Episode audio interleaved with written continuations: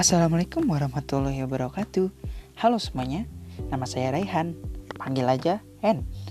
Saya dari Pendidikan Sosiologi 2019 Kali ini saya akan membahas sumber konflik berdasarkan hipotesis frustasi agresi Atau juga dikenal sebagai teori frustasi, agresi, perpindahan.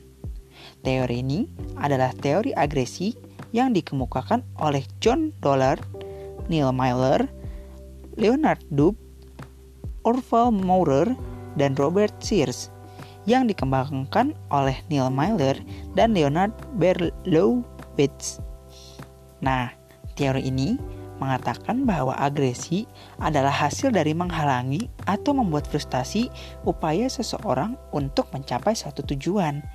Orang-orang di luar sana kadang ada aja sih yang suka membuat frustasi.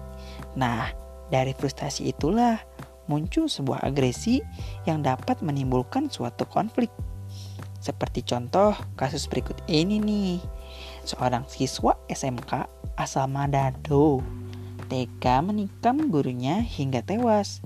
Penikaman sebanyak 12 kali dilakukan siswa tersebut lantaran tingginya frustasi yang dialami oleh pelaku.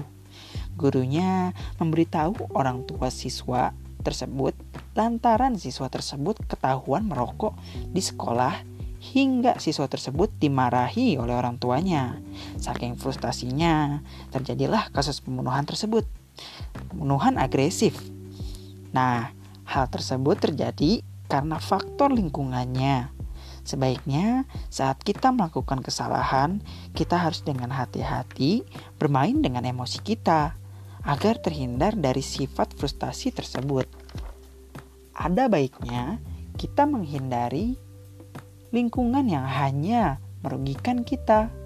Lakukan banyak kegiatan yang bermanfaat agar bisa menjadi pribadi yang lebih baik dan terhindar dari berbagai masalah. Yuk, ciptakan lingkungan yang lebih bermanfaat. Seakan-akan kita baru sadar bahwa lingkungan kita mempengaruhi sifat dan sikap kita. Ayo sama-sama berubah menjadi baik. Sekian dan tetaplah bahagia. Terima kasih telah berjuang sampai saat ini.